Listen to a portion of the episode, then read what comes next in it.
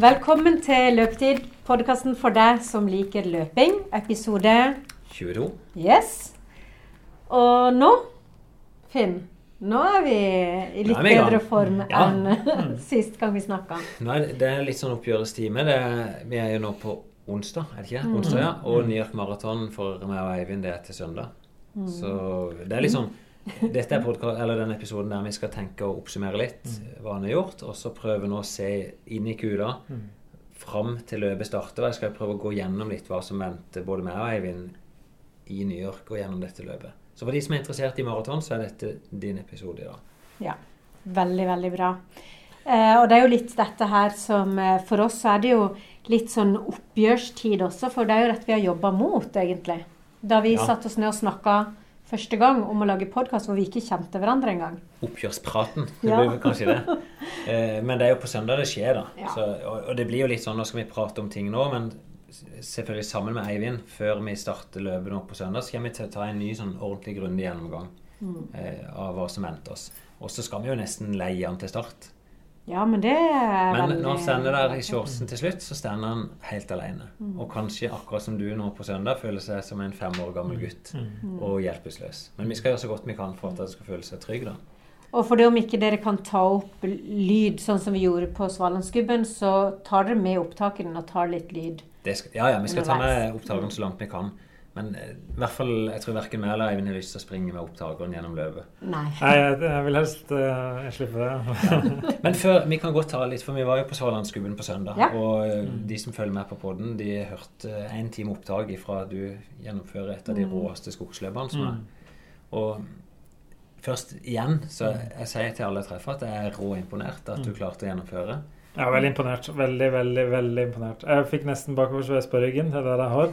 Eh, det, er, det, var, det er 27 km wow, i skogen i gjørme. Det, det er veldig tøft. og Jeg hører jo gjennom de episodene sjøl, og jeg syns du får det ned på et sånt nivå at dette er jo noe folk kan gjøre. Mm.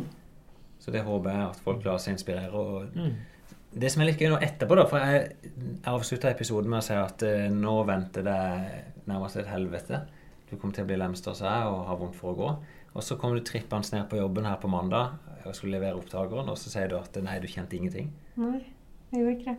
Hva, hva er greia? Hva, kjenner du fortsatt ingenting? Nei, i dag har jeg vært på styrketrening, så i dag har jeg crosstrena klokka halv ni på morgenen. Og kjen- knebøy var ikke noe gøy i dag.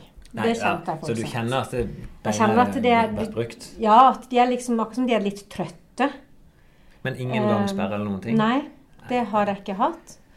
Eh, og det har føltes veldig bra. Men kanskje noe av det som jeg ikke var forberedt på etter løpet, det var all tankevirksomheten oh, ja. som skjer etter noe sånt. Måtte du gå i det sjøl? Eh, for det, jeg visste jo ikke hva jeg skulle, egentlig. Da jeg sa ja til det Svalandsgubben, så jeg hadde jo ikke tenkt over hva det var for noe, eller Nei jeg vet reflektert. litt eller- sprått på. det, jeg hadde jo egentlig ikke peiling, og så har jeg løpt det. Så har jeg fått veldig mye tilbakemelding På at på at jeg har løpt. Ja, sånn ja. At folk har lagt merke til det? Ja, bare sånn at folk visste hva dette var for noe. Ja. Det er jo galskap. Og, Mm. og jeg hadde jo ikke peiling før jeg sto der i løypa.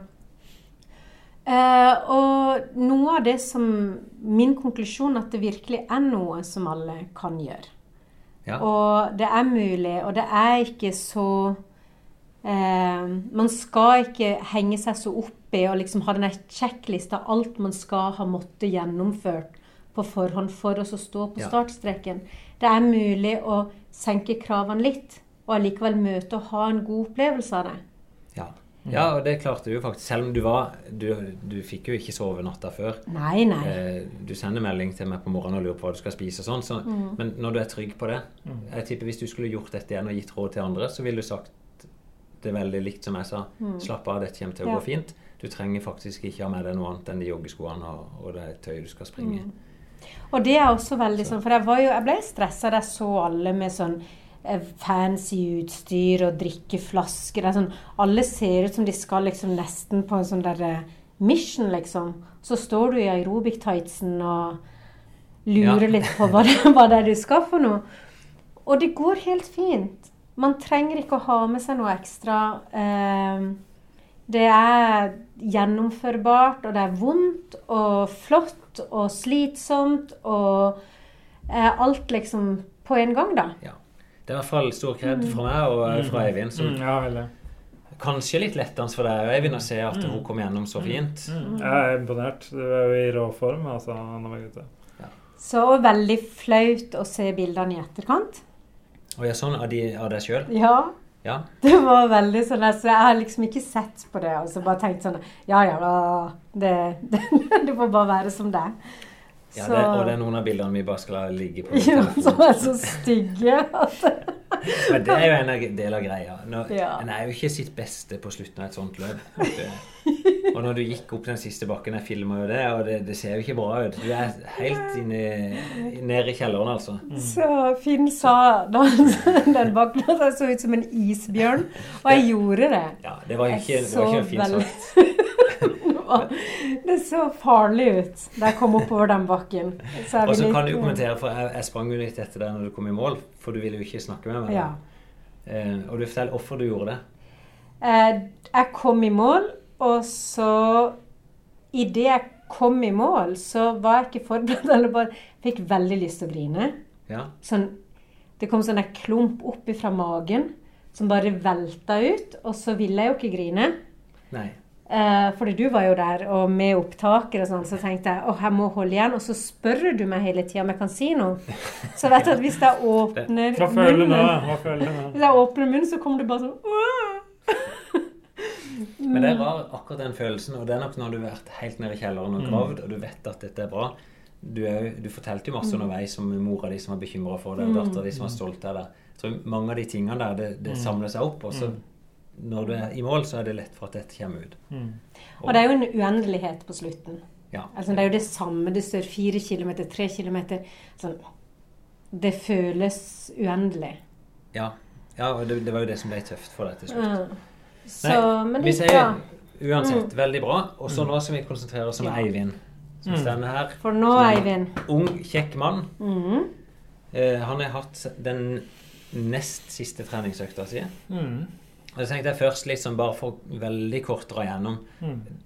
Dette prosjektet det begynte jo i, i februar-mars. Ja. Da utfordra vi deg på jobb. Vi Ja. hadde lyst til å lage den podkasten og så sette så hårete mål som Mm. på et vis noe av det mest hårete du kan gjøre som en Mm. normal person. New York Marathon. Og det er vanskelig å få plass, men der var du heldig. Mm. Du kan jo kjøpe deg en plass hos en turoperatør. Det, det er dyrt. Eh, Men her var du heldig. Vi søkte bare om plass, og du, du kom inn. Og målet vi satt, det var vel sånn jeg husker det at du skulle fullføre. Mm. Det skulle være gøy, Mm. og du skulle være skadefri. Mm. Det er liksom i der. Vi har vært sånn, det var ikke noe tidsmål som Mm. utgangspunktet var. Og så, i hvert fall hvis en grovt oppsummert, så begynte du jo litt for hardt. Vi Mm. prøvde å liksom være veldig og advare deg mot at eh, du må ikke begynne for hardt, for du blir skada. Mm. du hadde en tilnærming til treninga der du var glad i å pushe deg sjøl hardt. Mm. Eh, mens jeg prøvde å få deg til å forstå at du må først like det før Mm. du kan Mm. liksom, begynne å trene så hardt. Mm. Så, så vi, si, vi hadde en liten sånn kamp imellom det å finne den Ja. gode formen sammen. Eh, der du sprang 12 km pluss 1 fra jobb, og så tålte ikke beina dine det. Mm. Og så da valgte du å springe på mølle, og så fikk du vondt i leggene osv. Så, Mm. videre. så Mm. det begynte vel å, å flyte bedre og bedre. Vi sprang en 10 km. Det var første delmål på stadionmila. Det gikk greit. Da var du optimistisk. Og så når vi kom til sommerløpet da, i august og sprang halv maraton, så gikk det òg greit. Men da Mm. kom liksom det alvoret opp for deg at dette Ja. er jo helt vilt. Mm. Det skal dobbelt så langt, og det, det var veldig vondt å springe halv maraton. Mm. Og fra august nå og så fram til november så har du egentlig fulgt en veldig enkel plan. Fire Mm. økter i uka. Mm. Eh, Der det i utgangspunktet er tre av de turene er 12 km løping. Mm. Og så en gang i uka en lang tur. En litt lengre lang tur. Mm.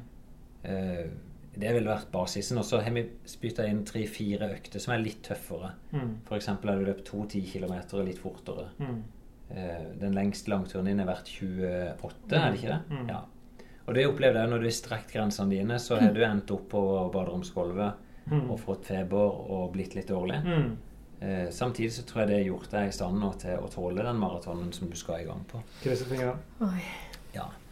Nei, men det er bra. Det er riktig oppsummert. Det er fint. Så i mine øyne i hvert fall, etter vi bare fikk ting på plass, så har du smilt. Du er skadefri. Mm, ja. Du ser at dette funker godt. Du kommer på jobb og ser at eh, Vet du hva, Finn? Dette er bare gøy. Mm.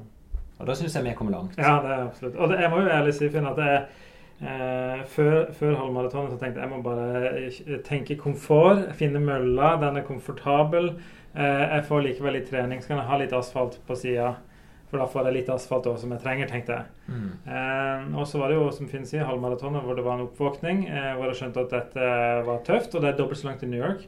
Og nå må jeg bli vant til asfalt. Jeg må bli vant til den julinga hjulinga som- og, og, og, og treninga som asfalten gir. Eh, så har jeg jo kun trent asfalt da siden i Ja. sommer, da. Er ikke det litt rart at du er jo ikke blitt skada? Altså, du- din tanke var jo at Mm. hvis du springer på asfalt, så blir du skada. Mm, Men når du bare tok det gradvis, så Ja. funker det veldig fint. nettopp. Og det er gradvis her er virkelig nøkkelen, som du sier. Eh, og jeg, liksom, jeg, var, jeg var veldig sånn herre all or nothing. Det skal være så beinhardt når du først skal trene. Så det gjorde jo at, jeg, at Og da trente jeg kanskje flere dager på rad, og, og jeg, jeg gikk på sånne smeller innimellom. Ja. Mm. Og det har du ikke hatt i hele høst. Du har bare trent jevnt, Mm. med ganske sånn fin progresjon mot Mm. målet. Ja. Så det er bra. Eh, du er klar. Og jeg kan si liksom, den siste uka, det han, han har gjort nå, det var på lørdag. Mm. Det er altså åtte dager før løpet. Da sprang han den siste litt lengre turen. Da sprang han to mil, Mm. og det oppfatter jeg fint. Og så nå roer vi litt ned, så han sprang tolv kilometer på, tirs, nei, på mandag. Mm. Da var det seks dager før. Og så Mm. han ha ei økt til denne Mm. uka, som blir åtte kilometer ca. Mm. Og det blir på torsdag, og så reiser vi på fredag. Og, og det skal, jeg skal ta litt om liksom, den reisen etterpå. Men da kommer du til å være klar. Og du Mm. kommer til å klare det. Og hvis du skal si hva er målet ditt nå? In, altså ditt personlige mål, det Ja. kan folk vite. Nå, eh, jeg ble jo da portrettintervjua av eh, Anette Os i Fjellandsvenn, som er veldig hyggelig. Ja. Altså det, det portrettintervjuet kom jo da på trykk i, eh, på lørdag, dagen før New York Marathon. Ja. Og da uttalte jeg et mål på fire timer. Fi, under fire timer. Ja, fire timer. Ja, eller nei, men tenk, når du sier fire timer er, Hvis du springer på 4.59, Ja. er du fornøyd Ja. Nei, nei, tre, nei godt, Bare sånn 3.59. Yes. Ja. Og er det sånn at du vet hva det innebærer? Vet du hva dette blir på miles og på kilometer? Mm. Jeg vet det. Det blir fem, cirka, et sted mellom 5.35 og 5.40 på kilometeren. Ja. Eh, men jeg er spent på om jeg greier å holde det. Jeg er veldig spent på det. Jeg tror nok jeg, mest realistisk er kanskje 5,50 i snitt totalt. Ja, Tipper jeg, da. Så da, da bikker jeg fire. Da kan det hende at det blir 4,10. Ja, så du, på et vis så du sier du drømmer litt om 359, men du er fornøyd med å fullføre. Ja. Ja. Jeg, jeg Så, si så planen din er å følge skjemaet mot 359, mm. og så er du forberedt på at det kan gå galt. Mm. Så kan vi snakke litt om. Det er greit. Jeg vil si Finn, at jeg er fornøyd med 4,15. Da er jeg fornøyd. Jeg liker jo å tenke sånn, å ha en sånn Mm. drøm som du jobber mot, som bør være realistisk, men så Ja. kan du ha et mål som du er jo liksom Dette er jeg jo Ja. fornøyd med, altså. Jeg, jeg følte jo vi, Det var jo litt det vi kjørte på eh, stadionmila også, hvor målet var 45. Ja. Eh, og, så, og så sprakk jeg litt sånn, for for jeg måtte nedjustere så jeg kom inn på 48 eller 49. Ja. Ja, og jeg, jeg har jo liksom et mål på dine vegne. Det er jo at du skal ha det gøy. ja takk for det, Finn. Ja. Det setter jeg pris på. Og det er Ja. også motiverende for meg, det må jeg bare si, og banke i bordet for det. At jeg føler ikke at Finn står og pisker meg. Nei, du skal under, for jeg føler ikke på det. Og det gir meg en, eh, en ekstra boost og motivasjon. Ja, for det, nå må jeg få lov til å si det, skyte inn, at vi har vært veldig heldige, Eivind, og blitt fylt av Finn. Ja, og det, det, det, når du sier det, det skryter jeg av. Alle snakker om løpetid og, og, og Finn om. Mm. At uh, det er ingen fokus på vekt. Nei. Det er ingen fokus på utstyr. Du skal ha det forbaska dyreste siste utstyret. Mm. Eh, Finn maser aldri på tid. Hva løp du på i går? Når, når, når Finn spør meg hva, hva, hva gjorde du i går? Jeg løp 12 km. Ja, så bra! Mm. Så kommer det ikke et oppfølging for liksom, ja, hva, ja, så bra, men hva løp du på? Så det er veldig bra. Mm. Ja, nei, og det er en sånn kjempeviktig del av det å faktisk skulle like løping. Mm. For det, jeg tenkte på det etterpå, at ja, du sa jeg er utrolig stolt over det da jeg kom i mål. Så tenkte jeg sånn, ja, det er en som løper på under to timer, som jeg er utrolig stolt over at jeg klarer å karre meg i mål på 3,50 da. Men at du kan se det da, Mm. og gi allikevel backe opp og være til stede, og forstå liksom sånn den Mm. jobben man gjør, for det om du er i en helt annen dimensjon da. Nettopp. Det er utrolig bra og inspirerende. Vi må jo kunne glede oss på vegne av hverandre. uansett. Ja. Men jeg bare Men, tenker det fort eh, gjort for, for, det, altså for en person som befinner seg da litt sånn i elitenivået, Ja. Ja, og som på en måte ikke helt greier å liksom skru om til vårt nivå. da. Men det er du jo kjempeflink Det er du kjempe, kjempe ja men det, det sier jeg takk for. Mm. Så Men nå skal vi gå inn litt sånn på nå, Jeg har masse papirer liggende på pulten foran her. Jeg vet ikke om det virker skremmende, men det var for å kunne huske litt Ja. av de tingene. Mm. For, for det er liksom, nå skal vi se på hva, hva gjør vi inn mot et maraton. Mm. Og så på spesifikt dette maratonet, som er så spesielt. Det er verdens mest både si, populære maraton, mest anerkjente. Det er der folk vil. Um, det er 51 000 løpere som skal stå på startstreken sammen med oss på søndag. Og på veien der, da, så er det liksom noen tips siste uka. Og kanskje det viktigste du skal tenke på mens du er i Norge, da, det er å teste det utstyret som du skal springe. Mm. Og det, det var egentlig det jeg snakka med Eivind om i forgårs, før Ja. den siste langturen. Mm. Er du sikker på det er disse skoene du skal løpe på? Det tøyet du skal på? Han snakker om han skal springe tights, Eivind. Mm. Nå vet vi at de melder ganske varmt. Mm. Eh, og da vil jeg aller helst at han òg prøvde et alternativ med en halv tight. Så At han har løpt i Ja. det og finner noe som er behagelig. Mm. Eh, og så òg begynne å pakke. Det, det er lurt. Mm. Eh, begynne å forberede seg, for jeg vet at det er hektisk på jobb. Og det å våkne grytidlig på fredag Mm. på vei til flyet, og så skal du begynne å pakke, det kan være litt Ja, dumt. I hvert fall til et så viktig løp. Mm. Eh, erfaringen min er Nå er ikke jeg noe sånn veldig strukturert sjøl, altså, men erfaringen min er hvis jeg har kontroll, hvis jeg pakker ting på forhånd, så sover jeg godt. Mm. Hvis, hvis det er noe du ligger og lurer på og vet at jeg må huske dette i morgen tidlig, så er det lett å bare bli liggende våken. Mm. Så prøv liksom å få kontroll på utstyret. Det, Mm. Da rydder vi den lappen vekk. Mm. Og så har jeg lagd et forslag til et opplegg. Vi er jo vi er elleve personer som skal reise sammen til New York. Og det er litt sånn Vi skal ikke bare ned og løpe maraton. Vi er med oss eh, kone og samboer og kjæreste. Så vi er, nei, seks maratonløpere. Mm. Og, og fem av oss er jo det jeg vil kalle Om ikke elite, så er vi veldig close. Liksom rett bak eliten. Eh, en som heter Ole Kristian, en som heter Joakim, en som heter Lars og en som heter Erik, og som meg. Alle vi springer en plass mellom 2.30 og 2.35 på maraton. Det er fort. Også med Eivind, som skal under fire timer. Um, altså Vi er et par jenter som skal løpe fem kilometer, for det er et annet løp som er dagen før. Eh, og så er det tre stykker i heiagjengen. Alle disse er jo med oss, som, som en del av oss. Og jeg skriver her vi skal ha det moro sammen. Det er viktig. Mm. Så vi reiser eh, til fredag. Da skal vi være på Kjevik halv seks. Det blir tidlig avreise. Og litt fordelen når du reiser til USA, er jo at du stiller klokka bakover. Så vi Mm. ligger jo seks timer foran dem. Så når vi reiser tidlig, så lander vi i New York i, ja, rett over klokka to. Så får vi litt ut, av den fredagen. Mm. Og i hvert fall det som er planen, da, at vi bare reiser til hotellet vårt, og så henter vi startnummer på fredagen allerede. Mm. Så er det kontroll på det. Ingen trening eller noe sånt den dagen. Da er det, det er liksom nok juling av kroppen. Eh, også på lørdagen, det er jo dagen før løpet, så skal vi, vi kommer til å våkne grytidlig. For vi, klokka er jo helt feil for oss. Så vi kommer sikkert til å våkne 4-5-tida på natta. Så vi spiser noe frokost og ser på disse jentene som springer løp. Eh, tenkte vi aktive løperen springer nok en tur, og det skal du slippe. Men det er litt sånn bare å kjenne på utstyret og kjenne at beina fungerer sånn rimelig. Og så er det en felles middag på kvelden. Mm. Det er det. Og da er liksom, vi legger ikke opp til så veldig mye program Ja. i New York den lørdagen. Og det er det jo mange som har erfart at eh, blir de gode Altså, New York er en fantastisk by, men det er jo enorme avstander. Det er jo På selve Manhattan, da, som er en av disse bydelene, så er det jo det er mer enn ei mil bare fra tuppen av Manhattan opp til parken. Mm. Ei mil. Så hvis en tenker at jeg tar en liten sightseeing der i fileten her, så kan du gå deg nesten øm i beina. Mm. Så lørdagen er en litt sånn rolig dag med en fin middag. Jentene tar kanskje en fest sjøl, at de har det noe gøy sammen. Og så må vi ligge oss ute på tommelen på lørdagskvelden her. Men da, da gjør vi klar litt i maratontingene, og vi sjekker utstyret vårt og prøver det på. Og det er smart. Det er noe jeg alltid gjør. Vi snakka vel om det i Berlin òg.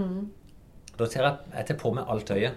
Så jeg kler meg opp i shortsen min og alt oppvarmingstøyet. Og bare liksom, da vet jeg at yes, dette stemmer. Da er jeg, jeg er ikke nervøs eller noen ting, ikke sant? så jeg har kontroll. Mm. Starter meg på, og så kler jeg meg- kler av meg og bare legger det i en haug. da.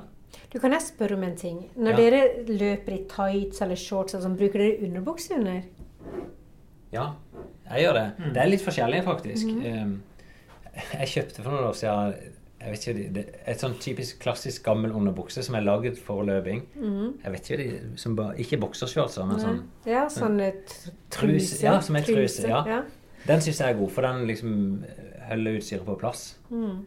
Eh, men ellers, når du springer i shorts, så, så er det jo en sånn innertruse i den, så, som det funker greit. Mm. Det gjør det. Eh, det er nok litt dumt å springe i bomullsboksershorts på et maraton, for det er lett å få litt gnagsår. Ja, det kan rulle seg litt, fordi Ja, det så, men det snakker vi jo før òg. Jeg pleier å ha med vaselin. mm. Eh, og bare smøre inn på de plassene som det blir en del gnikk. Mm.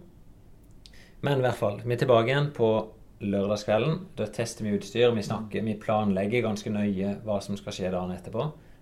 Og så natt til søndag så blir det litt sånn tøys for oss. om Vi skal stille klokka den natta.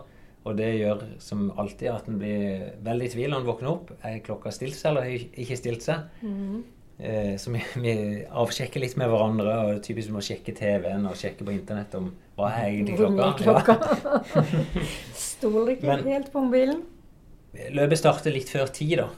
Men problemet med New York, da, dette løpet her New York kan jeg si, det er jo fem bydeler. Der Manhattan, liksom det folk kjenner som New York, det er alle disse bygningene, det er bare én av fem som utgjør New York. Eh, Maratonet skal gå gjennom alle de fem bydelene, og det starter på noe som heter Staten Island, som er ei øy rett utenfor. Eh, og det vil si at vi må jo komme med båt over til den øya, eh, og så skal vi i prinsippet springe hjem igjen etterpå, da. Så, og derfor må vi opp veldig tidlig. Så vi kommer til å gå i 60-a. Eh, Senest så må vi gå fra hotellet. Og da kommer vi til å gå eh, Det er litt, litt sånn magien i det løpet, syns jeg sjøl. For da er vi litt nervøse maratonløpere på vei til start. Eh, du ser liksom en sånn jevn strøm av folk på vei mot T-banen og nede i undergrunnen. Og der er det kaos. Eh, for det er Du må ikke miste Eivind. Nei, vi skal ikke miste den. Men, men det er liksom du, på noen av disse stasjonene eh, så er det, det er bare overfylt med folk. Og så kommer endelig T-banen, og så er de helt stufulle. Så du kommer ikke nødvendigvis inn på første, andre tredje forsøk. Og folk de vil jo inn, da, for den skal ned til ferja. For da er det, det maratonløpere? sånn Det er bare maratonløpere, da. Klokka seks på morgenen. Ja. Eh, I alle verdens utstyr og all verdens lukter. Um, det kjenner du mer av på start. Men da kommer disse T-banene ned mot helt syd på Manhattan, på det som heter Battery Park. Og der er ferjeterminalen nå. Der ferja over til Staten Island skal gå. Og der står de med masse politifolk og, og bikkjer som snuser på hver av oss. Og så er det bare inn på ferja, og når du da er på vei over liksom, Jeg vet ikke om det blir mot havna i New York, så passerer du òg Frihetsgudinna. Det syns jeg er veldig flott. Og du ser mot starten. Så kommer du i land etter 15-20 minutter. Så må du gå litt, og så står det busser. For det at da må vi kjøre buss i noen kilometer for å komme mot start. Eh, og da er det jo kø. Mm. Så, og dette tar bare tid. Så det tar et par timer fra du stender på ferja til du er helt framme på starten. Så det er greit å være forberedt på det. Eh, og når du skal ut av bussene, da er det en ny omgang med politifolk. Og da skal de gå gjennom all bagasjen. Og når vi henter startnummer på, på fredag, da får du en egen gjennomsiktig plastpose som alt skal oppi. Mm. Eh, og det er det eneste vi er lov å ha med deg Mm. Det er deg sjøl og tøyet ditt, og så den plastposen. Mm. Og da sjekker de det, og så står òg med bikkje der. Mm. Så sånn sett, sikkerheten er i hvert fall ivaretatt. Mm. Eh, og så, det, Da begynner det å bli spesielt. Jeg har et ark med her som ikke folk kan se, da, men det er jo så mange folk som skal organiseres. Og det er ikke ett startskudd, det er fire startskudd på New York Marathon.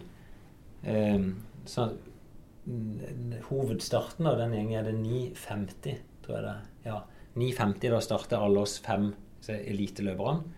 Mens Eivind skal starte 10.15 i pulje 2. Men det er òg pulje som starter 10.40 og 11. Det er bare for at ikke det skal bli bare en vanvittig kø. Eh, mens i tillegg da, til at det er forskjellige starttider, så er det òg tre startposisjoner. Så de deler det opp da, i det de kaller det corals, altså korridorer.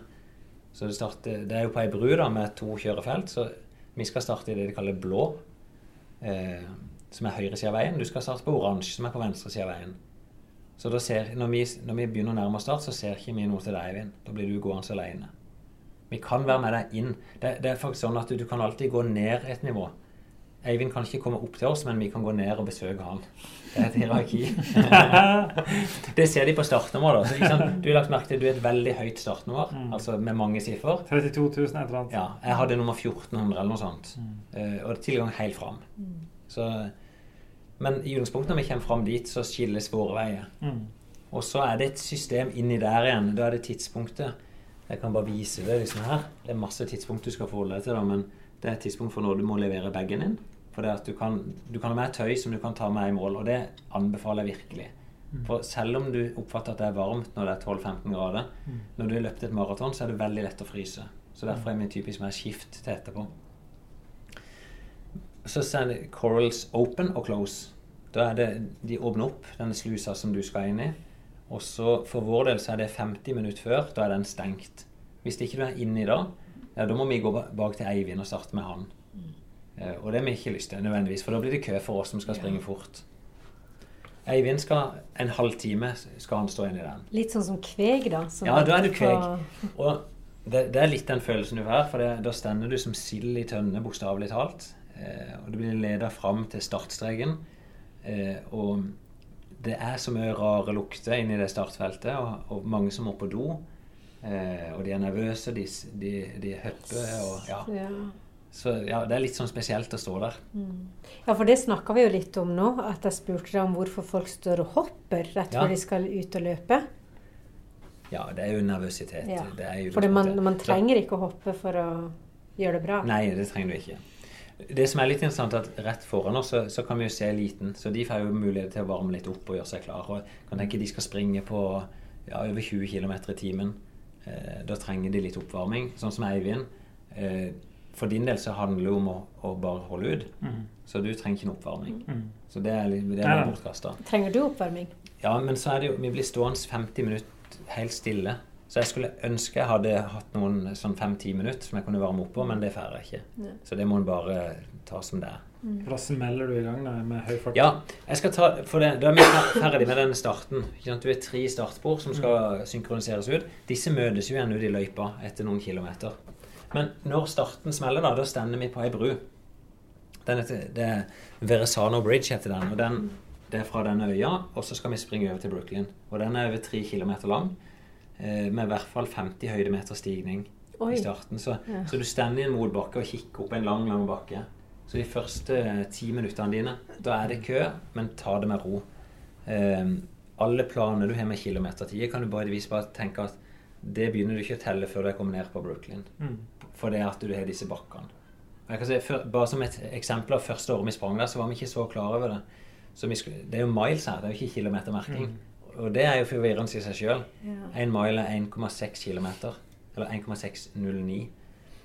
Eh, så, men da hadde vi funnet ut at vi skulle ha 5,50 på milen.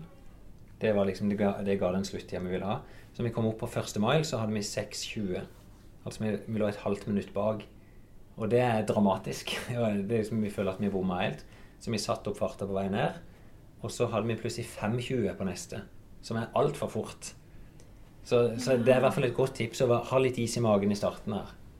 Hvor, hvor, hvor langt vil jeg si cirka? Hvor, hvor mange kilometer er det sånn? Ja, cirka Tre- Etter tre kilometer, Ja. da er du nede på Brooklyn, Ja, okay. og da flater det litt Ja. mer ut. Mm. Men det er litt sånn Starten, nesten alle løp oppleves litt kaotisk. Mm. Over den brua så er det kaotisk. Og når du dukker nå ned på Brooklyn Det er jo et veldig stort område eh, med veldig mye folk. Eh, dette er jo På 60-tallet så var det over 60 000 nordmenn som bodde på Brooklyn. Mm. Eh, og det er, det er veldig mange med norske aner, så hvis vi springer med flagg, som jeg anbefaler å gjøre, så vil du få enormt mye applaus og oppmerksomhet. Eh, du vil òg se masse norske flagg som, som står langs løypa. Men når det støyer av publikum på sida, så er det jo liksom du oppfatter liksom uh, Her skjer det mye. Og du husker på Svalandsgubben òg, vi brukte litt tid flere ganger som vi var innom og sa OK, nå, nå slapper vi bare av.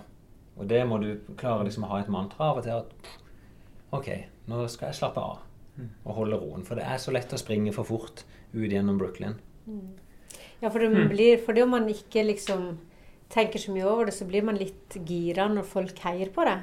Ja, du gjør det. Det- Man har lyst til å kjøre på litt. Da. Ja. Og, og på et maraton så gjelder det å holde igjen i starten. Vær liksom tro mot den planen som du har lagt. Og nå vet du sjøl, liksom, du snakker om at det er sånn 5.35-5.40 på kilometeren. Mm. Du kan jo bruke de egen GPS-klokke, da. Mm, mm. Eh, men det kan være lurt å regne om i miles. Jeg gjør det. Jeg blir bare svimmel av tanken på Ja. å regne om. Ja. Og det er ikke bare på et vis er det ikke sikkert du skal bry deg for mye, men at du i hvert fall har noen avsjekk som ser at ikke du springer for fort. Jeg kommer til å følge litt med på klokka. Jeg får jo, jeg får jo update hver kilometer. Så. Ja, og det, den kan du ta som et utgangspunkt. Mm. Så, så vil det jo på hver på 10, 20 og 30 kilometer så får du kilometer. Ja. Så du, du får noen sånne avsjekk, og òg på halvmaraton. Men da er det Løypa varierer det litt sånn. Det er sånn små kupert hele tida i New York. Det er ikke noe sånn dønn flatt, men det går litt opp, litt ned. Og så blir det jo avbrutt av noen bruer. Og når du kommer halvveis, skal du over den første lille utfordringa, som er ei litt tøff bru. Um, da er det i hvert fall greit å se på klokka. Så ikke sant, Hvis målet ditt er fire timer, så bør du passere på ca. to. Mm. Det er ikke sånn at du må ha masse i banken til det. Bare liksom jevn, jevnest mulig. Er det ok å gå i oppoverbakkene? Nei, jeg tror ikke Eivind trenger det. Men vi kommer til å snakke litt om det. det er Roligere jogg, da. ja, det, det er i hvert fall lurt å sette ned intensiteten. Mm. Um, Men du Og- kan, ja. og det kan være lurt å ha en plan at du skal heller gå litt for tidlig enn for seint. For hvis du springer til du er i veggen, så ødelegger du løpet til slutt. ja. Men når du springer Du, du treffer jo bydelene med sitt særpreg, da. Så på Brooklyn som jeg sier, så er det liksom norske ane. Det, det er liksom Du får følelsen at her er det litt som i Norge. Eh, Det ser litt sånn ut. Så kommer du bortover mot eh, Queens. Først kommer du inn i noen sånne jødekvartal. Det er helt sånn absurd, for da blir det dønn stille. Ingen som klapper. Men, eh, og jeg, nå er det, jeg løpt her tre ganger før. Og, ja, men å klare å få følelsen at du, du er ikke velkommen her. Men til og med folk jeg kjenner som er langt langt bak i feltet, klarer å få akkurat den samme kjipe følelsen. det er rart. Eh, men vi, vi fortsetter igjen med Queens. Eh, det er med rappmusikk. Det er jo det er flere hundre band og underholdningsinnslag i løypa. Eh, det stender folk, folk med å bare spille. Noen Noen steder springer og prøver å rope djevelen ut av det. Eh, Det er sånne absurde ting som skjer langs løypa. Eh, og så til slutt da, så nærmer du deg Manhattan og ser liksom den fileten av skyskrapere. Eh, og så begynner du å se det tårne seg opp ei sånn gedigen bru, som er en ganske tøff utfordring etter 25-26 km, som du da skal over. Og det er 50-60-70 høydemeter. Som er, det er ganske tøft. da, du, Det er jo en, en fase der du begynner å bli, bli sliten. Mm. Og så blir det jo dønn stille, for det er jo ingen publikum i hvert fall i 10-15 minutter. Og så når du da treffer ned på Manhattan Så de sier jo at på New York Marathon så er det ca. 2-2,5 million tilskuere. Og da står det i hvert fall én 1 million av de de neste to-tre kilometeren når du kommer ned på Manhattan. Og det er som å gå i 17. mai-tog. som det bare, Du hører, du kan ikke snakke med de rundt deg. Det er bare enorm støy. Og der gjør mange tabben. Og da er det fem kilometer bortover som du blir bare gira. Og da er det lett å springe for fort. Ja. Så, og da er det lurt å være bevisst. Bruk publikum, og det kan du gjøre tidlig òg. Mm. Gi high fives og se på publikum, eller løft armene, så får du masse kred tilbake. Eh, men prøv å unngå å sette opp farta, da. Og så ja, fortsetter du bare oppover, oppover, oppover det som heter Manhattan. Og, og passerer liksom i ytterkanten av Harlem over til noe som heter Bronx. Der du, du har noe fotballstadion og litt sånt. Men du, du er bare oppå noe motorvei innpå der. Eh, da er du på 32 km, og de fleste begynner å få problemer. Da blir det stilt, og du begynner å tenke på deg sjøl. Og da som jeg en plan for det, Eivind, at eh, hva skal du gjøre siste tolv? Jeg snakka litt om åssen jeg gjorde det i Berlin. At eh, jeg deler det opp da i 12 000 meter og 12 km. Her blir det jo miles, så her er du seks miles igjen. Og det kan være lurt å liksom ta én og én av dem. At du, du skal ikke tenke på hele distansen. Du bare liksom OK, nå har jeg én oppgave, det kommer jeg til neste punktet. 12, 12, 12.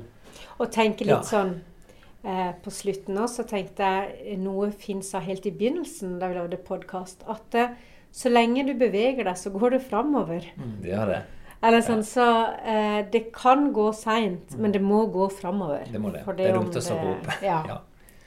Eh, det er litt tøft den avslutninga òg, for det, du kommer gjennom Harlem. Det, og det er tøft.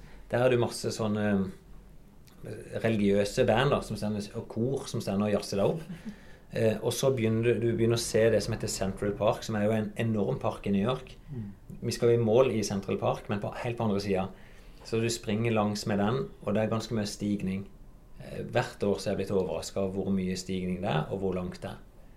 Og dette er langs det stykket her. Eh, Hvor langt er det? cirka? Sånn, Nei, da, da, Det begynner å stige etter kanskje 30 Når jeg tenker sånn 34 km, opp til 36-37, noe sånt. Og så kommer du inn i parken på det høyeste punktet, og så er det bare småkupert nedover. Da springer du i parken, og så eh, helt til endes av parken, og så følger du bare ytterkanten av parken, sånn som du ser på kartet her. Mm. Og så inn til mål. Og da er det jo veldig med publikum til slutt. Mm. Og det er en fantastisk følelse når du ser opp mot målseilet. Selv om akkurat, Du sa jo når det var, jeg sa det var 40 meter igjen til toppen av bakken, og du bare driter om det er 4 eller 40 det, du, kan, du kan runde inn og se mål og lure på om vil dette gå. Mm. For, for det er ganske De fleste har det litt vondt. Litt vondt. Og så er du i mål. Og da er jo det ting i utgangspunktet fantastisk. Jeg vil si Uansett åssen det er gått, så er det lov å strekke hendene i været og så bare I did it. Liksom, Og det er det de er opptatt av i New York. Har du gjennomført hva? Liksom, har du gjennomført New York Marathon? Det er bra. Det blir så gøy, Eivind. Åh, Og det er sånn, hvis jeg er sånn Noen tips på veien, det er jo liksom Hold deg til planen. Aldri vik fra den. Det er dumt. Så det må du love, Eivind, for deg sjøl. Det, det øker sjansene for å lykkes. Så snak, vi sa ikke noe om drikke. Eh, du trenger ikke ta med deg noen ting. Du får vann og sportsdrikke og påfyll mer eller mindre kontinuerlig gjennom dette løpet. Mm. Så i hvert fall når det er kommet litt i gang, så er det hver miles, så er det annethvert. Drikke, sportsdrikk, drikke, sportsdrikk. Mm. Og det gjør at jeg tar bare et lite glass på hver stasjon. Mm. Bare sånn, skyller nedpå. Mm. Eh, og så tenker jeg liksom det av og til smile, være positiv, gi noen high fives, det letter opp litt. Grann. Mm. Hvis du skal være inne i bobla i fire timer, så er det veldig tungt. Mm. Og det kan du tenke nå tilbake på Svalenskubben. Hvis du skulle vært i den bobla som du var på slutten, helt fra start, det, det hadde ikke vært noe gøy. Mm. Så du må løfte blikket og se litt og oppleve New York på veien. Det tror jeg er lurt. Og det er veldig Sånn som de gangene Finn sa til meg 'smil'. Mm. Og jeg smilte ikke fordi jeg følte noe behov for å smile, men det hjalp veldig mye. Mm. Ja. Det, det har noe med det å gjøre. Da er vi i mål, og det vi gjør det, Du må være litt forberedt på noe spesielt, for du kommer over målstreken. Eh, og så sitter det masse hyggelige folk der og applauderer deg fram. De sitter på sånne høye stoler, noen står der med teppe, og så prøver å få deg til å gå videre. For de skal ha deg til å gå ca. tre km. Er det sant? Men Du får jo ikke det inntrykket når du begynner å gå, men de, de bare Det er veldig greit You're amazing, you did it. Og de, de sitter bare liksom applauderer fram. For du, skal, du kommer jo i mål på kan det være, rundt 60. gade, og så skal du helt opp på 85. gade. Som er altså 25 kvartal skal du gå oppover før du slipper ut. Ja, såpass. Ja. Og derfor det er så mange folk, så de må få folk vekk. Ikke sant? 50 000 mennesker. Mm. Så. Det, er, det er egentlig veldig greit å ha i bakhodet at når dere kommer i mål, så er det ikke ferdig, så på bussen, og så bussen Ja. Du er ferdig, du kan bruke den tida du vil, men du, du får veldig med positive tilbakemeldinger. hvordan, hvordan utdeles medaljen da, når dere kommer i mål? Så- eller- Nei, da er det folk som stemmer. der. Ja, del ut, ja. ja. Mm. Den må du jo få med deg. Den, og den kan du med fordel bære, Ja. ja, om ikke hele oppholdet, men typisk så, så bruker folk å gå med den den kvelden og òg neste dag. Du vil se Resten av masse av det. Ja. Og i hvert fall det vi har gjort når, du, når det er gått de kilometerne, så får du delt tøyposen din. ja, fordi den bagen leverer jeg jo da fra, på start, ikke sant? Ja, og den blir kjørt opp Mm. Og levert i målområdet. Og det, det funker veldig greit. Når du sier tøypose, på, så har jeg et spørsmål, fordi jeg skjønte det kan være ganske kaldt å stå og vente der på morgenen. Ja, godt poeng. Eh, ja. De, de er jo meldt ganske varmt nå, men det blir, uansett så er det kjølig å stå og, stå og vente. Mm. Eh, så de fleste pleier å ha med seg noe ekstra tøy. Mm. Jeg pleier bare å ta med meg noe tøy som jeg vet jeg kan kaste. Og så har jeg det fram til start. Og så rett kanskje ett eller to minutter før start, så, så varsler jeg jo det at nå bør folk ta seg tøy, og så samler de det inn på sida. Så ta med noe ekstra tøy. Mm. Det er veldig lurt. Som du ikke er redd for. Som du kan hive. Mm. Noen bruker òg sånne malerdresser. Altså sånne som er helt tynne dresser. Mm. Og det funker, det òg. Og noen er mest av sånne NASA-ullpledd. Sånn der eh, i Mm. metall eller i, jeg vet ikke hva det er lagd av. Du, du kan faktisk velge å ikke ha med deg bagasje. Eh, Sånn at liksom du bare hiver fra deg på start, og så når du kommer i mål, det eneste du får da, det er sånn metallpledd. Mm. Men det er for de som da har familie og sånn som venter rett med mål. Da slipper du faktisk den lange marsjen. Mm. Du slipper litt kjappere ut. Eh, men jeg anbefaler definitivt å gå og få på seg tøy. For det vi gjør normalen, da, så kommer vi rett ut med en eh, T-banestasjon på 85. gate. Og så bare tar du den rett syd på Manhattan. Og vi stopper egentlig planlagt å møtes på en plass som heter Beer Authority. Der kan du velge å drikke hva du vil og spise hva du vil, men der har de litt sånn dårlig mat, altså. Burger og pommes frites. Eh, brus, øl. Altså, da sitter vi og oppsummerer løpet litt sammen der. Ja, da har dere sittet der to timer allerede og drukket. Det skal Eller ikke se bort ifra. Nei, ikke to timer, men vi kommer, nok til å, vi kommer sikkert ikke til å stå og vente i målområdet, for det er, det er drøyt å stå og vente der. Mm. Der er det TV-skjerm òg, så du følger TV-sendingene fra Ja, New kan se meg komme inn. Ja, vi kan følge det. Folk kan jo følge oss på appen. Det ligger, Hvis de går inn og søker på New York Marathon på nettsida, så ligger det link til en app. Mm. Og da er det live hver 50 km, tror jeg. Så, Mm. så blir det posta. Eh, og da Det er jo en tøff dag. Du, du, er, du har jo tatt deg helt ut. Jeg tenker Da er det lov å feire seg sjøl litt. Mm. Så da sitter vi og oppsummerer løpet litt der. Vi stikker på hotell og dusjer, og så går vi felles ut på Vi har planlagt et sted som heter Café Wa, da, som er veldig stilig Jeg vet ikke om jeg kaller det utested. Det er sånn form for kjellerpub med liveband. Et av New Yorks beste liveband. Eh, der de, de sier det på begynnelsen av kvelden, at målet er at eh, gjestene skal danse på bordet. Og det er passelig for oss den, Ja, det skal vi den søndagskvelden. For da, og det er litt mantraet Uansett åssen det er gått, Mm. så skal ikke en plage gruppa med, med hvis det er gått dårlig. Det skal bare være gøy. Mm. For til syvende og sist så er det jo ingen som bryr seg sånn egentlig om du sprang på 3.50 eller 4.10. Nei. Det er bare, De bryr seg om deg. Mm. Liksom at Har du hatt det greit? Vi vil at du skal ha det greit. Mm. Så da er du ferdig. da er du ferdig. Da er du ferdig. Og for vår del, altså ferdig med løpet. Mm. Og så skal vi bare bli kjent i New York. Det vi har gjort de andre årene Vi prøver å gjøre litt felles og litt Mm. hver for oss. Mm. Eh, Men ofte så begynner vi med felles frokost i syvtida. Og det høres jo tidlig ut på en sånn kosetur, men vi har jo stilt klokka seks timer tilbake. Så det er jo som å våkne klokka ett på dagen. Så det er ganske greit. Det funker. Mm. Eh, og så kan det være typisk vi er ute og sykler. Sykler bare rundt hele Manhattan. Sykler over til Brooklyn, spiser lunsj. Eh, ned på Ground Zero. Kanskje fly helikopter. Kanskje opp i parken. Ikke sant? Vi har masse sånne ting å se i New York. Så. Mm. Samme på tirsdag, så reiser vi tirsdag kveld, og så lander vi i Norge igjen på onsdag. Så da, da blir det en komplett tur. Mm. Så gøy, gutter. Det blir gøy å få dere tilbake igjen også og Ja. høre åssen det har gått. Det, det var jo masse tips her. Jeg kan, det fins en nordmann en som heter Runar Gundersen, som han er ganske aktiv. Han har deltatt i New York Marathon 38 ganger før. Det, Er, det, er det han? ja, det er faktisk han her. Han, eh, han har egen nettside som heter runarweb.com. Altså runarweb.com. Eh, han er hobbymeteorolog, så han driver og poster masse om meteorologi. Men på den sida så har han en, en link til det han kaller New York Marathon, med åtte sider med løpetips. Så hvis han er sånn ekstra interessert her, da Her har han alt åssen registreringer foregår. Eh, kvalifiseringskrav, historiske værdata siden 1978 på, på minimumstemperaturen med start og maksimumstemperaturen i løpet av løpet. Altså 38 år med historiske data. Han har tips på hvor, hvor han anbefaler å bo. Han anbefaler jo å bo Midtown Manhattan. Det er det vi gjør sjøl. Han anbefaler eh, hvordan du skal komme deg til start, hvordan du skal hente ting. Så jeg syns i hvert fall det er greit å ha ei sånn side. Bare les gjennom det, for det, det er mange ting du vil lure på. Transport til start, da anbefaler han akkurat sånn som vi har gjort, å ta ferja av dette T-banesystemet. Han anbefaler òg å sende bagasjen sånn som vi gjør. Og det er betryggende. Eh, som en kuriositet så er det bare tre personer som er flere løp enn han i New York. Det er tre Nei. amerikanere. Nei? To av de har løpt 39, altså ett mer enn han. Så for disse så gjelder det jo bare å holde ut og komme neste år og neste år. Og så var det en som hadde løpt litt over 40. Ja, og her Du har liksom alt Mm.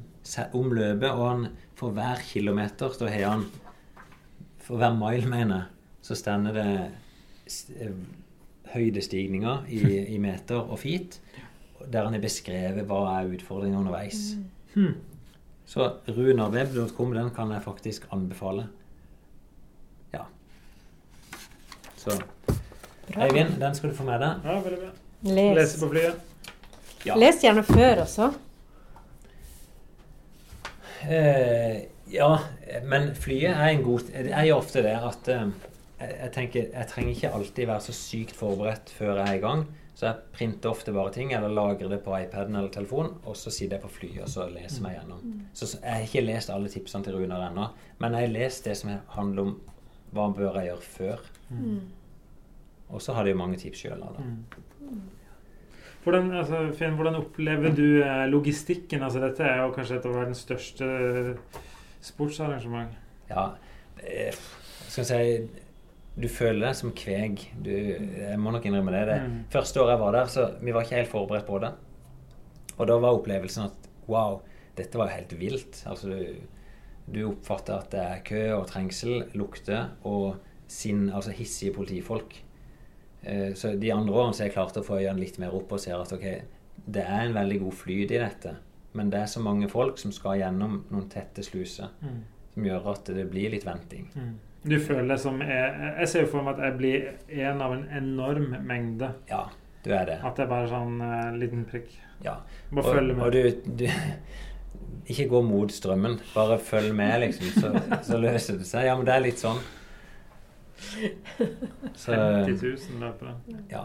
Nå, jeg snakker litt om Berlin. Det er helt annerledes. Mm. Der flyter det veldig greit. Og der Mm. Jeg vet ikke om du husker det, men da gikk vi jo fra hotellet vårt 40 minutter før starten gikk.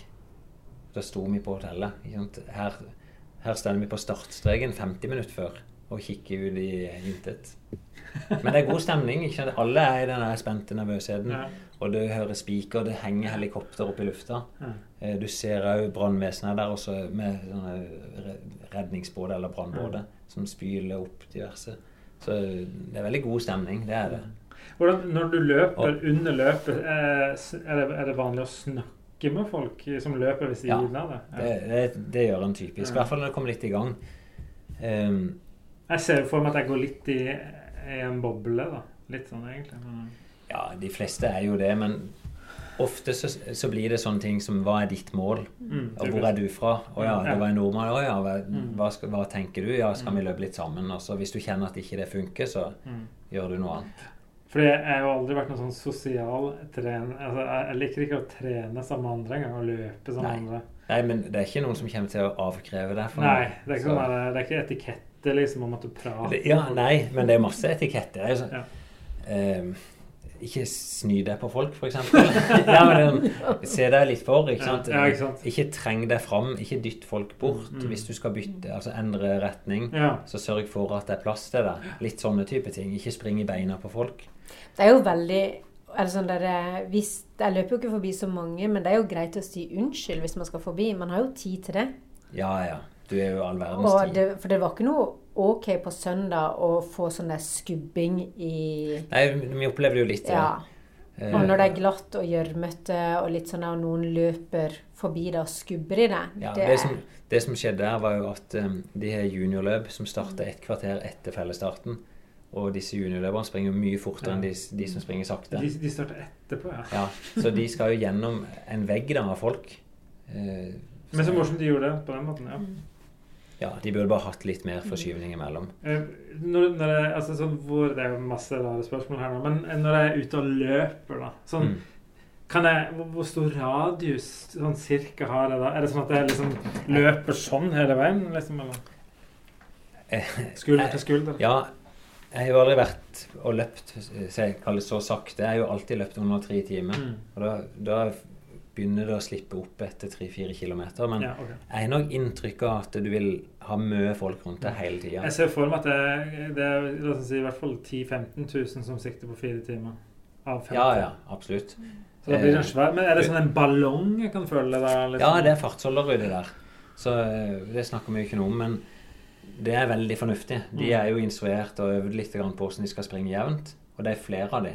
Så Mm. på fire timer så kommer du til å se flere sånne fartsholder. Jeg vet ikke om de er ballong, eller om de har bare sånn seil som stikker opp. Ja. Uh, typisk finn deg en sånn en, så er det veldig behagelig. Da slipper du å tenke på farta. Mm. Så, men vær forberedt på ja, Hvis du ikke er glad i at det er trangt, så må du nok være litt forberedt på det. Mm. Lenge. Men det er jo breit. altså Vi springer jo gjennom gigantiske gater, men det er så mye folk som skal skvises gjennom. Mm. Jeg ser for meg at din opplevelse av løpet er jo selvfølgelig en ganske annen annen enn en min. Sånn i forhold Ja, til eh, sikkert. mengde. Mm. Men det er litt rart, for når jeg snakker med andre som springer på fire timer, f.eks., så for vi snakker om de samme tingene Ja. og snakker om de samme opplevelsene. mm. Så, så det er ikke sikkert at det er så veldig stor forskjell. Mm. Husk å teipe brystvortene denne gangen. Mm. Vi, skal, vi er jo på samme hotell og sånn, så vi, vi kommer til å ta det med inn. Og det ligger en del erfaringer bare å være sammen med folk som har gjort dette noen ganger før. Og det gjør det jo for oss òg. Til og med når vi Det er jo sånn når vi og Erik lå på rommet i Berlin, så gjør en ting, og så Å, det var lurt. Det må jeg jo tenke på. Bare sånne små, enkle ting. Erik the Runner på Instagram. Ja. Mm. Han er forberedt. Han skal ut og springe i ørkenen to uker etterpå New York. Så vi kan ta en prat med han. Oi! Hvorfor vil man løpe i ørkenen? Hvor langt er det? Oh, jeg lurer på om han har 25 mil eh, i løpet av seks dager, noe sånt. Nei, mange mil. Det må det Ja. Det er han må vi snakke med. ja. Fantastisk. Nei, sånn er det, Det blir da. det neste. Ja. Nei, vi, vi begynner jo nærmest da, gjør vi ikke det? Mm Mm. Folk kan jo, Hvis det er noen spørsmål, så er det jo bare å pepre det inn opp på Facebook-gruppa. Ja, vi Vi kommer til å ta med opptakeren og, og dra med oss litt av stemninga på vei inn. Og så Oh. fram, fram til start Ja. og etter mål. Opplever du når du er ute og løper, da, at, at folk kollapser? Folk eh, legger seg ned? Skjer det noe dramatikk? Ja, det, men, men det er ikke sånn at det, det føles ikke som et ulykkessted. Det er ikke sånn. Å, du må ikke snakke om det. Nei, men Av og til så kan jeg sette meg på slutten av de små, altså etter jeg kom til mål sjøl, og så setter jeg meg ned og bare ser på mengdene som kommer inn. Eh, og noen stopper jo opp med krampe, og, Mm. men det er få som, eh, som liksom har behov for hjelp. Mm. De, de er i sin egen verden Ja. og, og lever med sin egen smerte. Ja. Jeg opplevde det sjøl en gang. Jeg fikk krampe da på baksida av lårene, så jeg stoppa rett opp og ned. Og så skulle jeg tøye, og da fikk jeg krampe foran. Og det er spesielt. Men da plutselig, jeg syns jo det bare var litt sånn flaut, for jeg, jeg svetter jo enormt. Så jeg er liksom helt gjennomsvett og holdt på i to timer. Og det er liksom bare rent ned inn i shortsen og vel gjennom skrittet og så ned langs beina. Så kom det hoppende ut en mann og liksom ah, I will help you. Massere låret. Klissvåte mannen. Så ja. Nei, men det er velvillig publikum. Mm. Og så Jeg fortalte jo det til deg at når du begynner å komme inn i bobla på slutten Hvis du har med deg noen som skal hjelpe deg og gi deg noe mat, eller sånt, så er det faktisk sånn at eh, selv hvis det er en sånn slag sving til høyre Hvis publikum stender på venstre side av veien, så vil du aldri orke å springe over til venstre side av veien og hente noe der. Mm. Så det er et godt tips. De som planlegger å være support, stå, hvis du skal gi noe, stå der det er helt inn til løypa, der løperen vil passere. Kortsida. Ja. Ja, du, er ikke, du er ikke villig til å løpe noen ekstra meter for noe som helst? Nei, altså, da er bare målet korteste vei mot mål. Nei, men bra. Jeg tror vi skal si at det er ok, er det ikke det? Så Mm. får vi ønske oss sjøl lykke til, Eivind. Mm, lykke til. To Lykke til, til. gutter. Jeg kan, det lille jeg kan si til slutt om min trening oppi dette nå, da, så eh, Jeg var jo med på Gubben. Det, er- det er ganske drøy løpetur for meg å være ute i fire timer på søndag. Ja. Så tok jeg da ei intervalløkt på mandag. Mm. Det jeg oppfatter som er sånn Det var en halv time cirka med intervall. Passe hardt. Ikke sånn at jeg blir veldig sliten. Løp jeg 12 km i går. Skal jeg springe 10 km i dag. 10 km i morgen. Mm. Fri på fredag. Og så 6 km på lørdag. Så liksom bare trappe gradvis ned. ja, men Jeg kan ikke kjøre samme kuren på det. For det at jeg, jeg tåler mye mer trening. Men det, det handler jo litt om å holde beina i gang. Mm. Så Mm. litt forskjellig tilnærming. Men det handler om å få overskuddet. Jeg kjente jo, jeg hadde jo en tomilsøkt på lørdag, så jeg kjente jo den faktisk litt i beina på mandag når det løp tolv. Ja. Så da tenkte jeg skulle kanskje vente til tirsdag å løpe. Det var jo, for jeg snakket med deg på jobb, men da hadde du tatt mer treningsøy på jobb. Du var så innstilt på det, og det er jo ikke Det blir ikke Men det gikk jo bra. Altså, det var ikke noe, Ja. Men jeg kjente det. Så det er morsomt hvordan man selvfølgelig tåler trening forskjellig. Mm. Nei, men bra. Ja. Skal vi bare avslutte den episoden sånn? Da så avslutter vi nå, så får jeg håper jeg folk blir inspirert til å Ja. følge dere. Ja. Så blir det jo meg en episode. Ja, jeg, når jeg, jeg grugleder meg. Oh, Men jeg, jeg gleder meg også, altså. 50-50. Det er akkurat sånn det skal være. Ja. Du, vi hørs.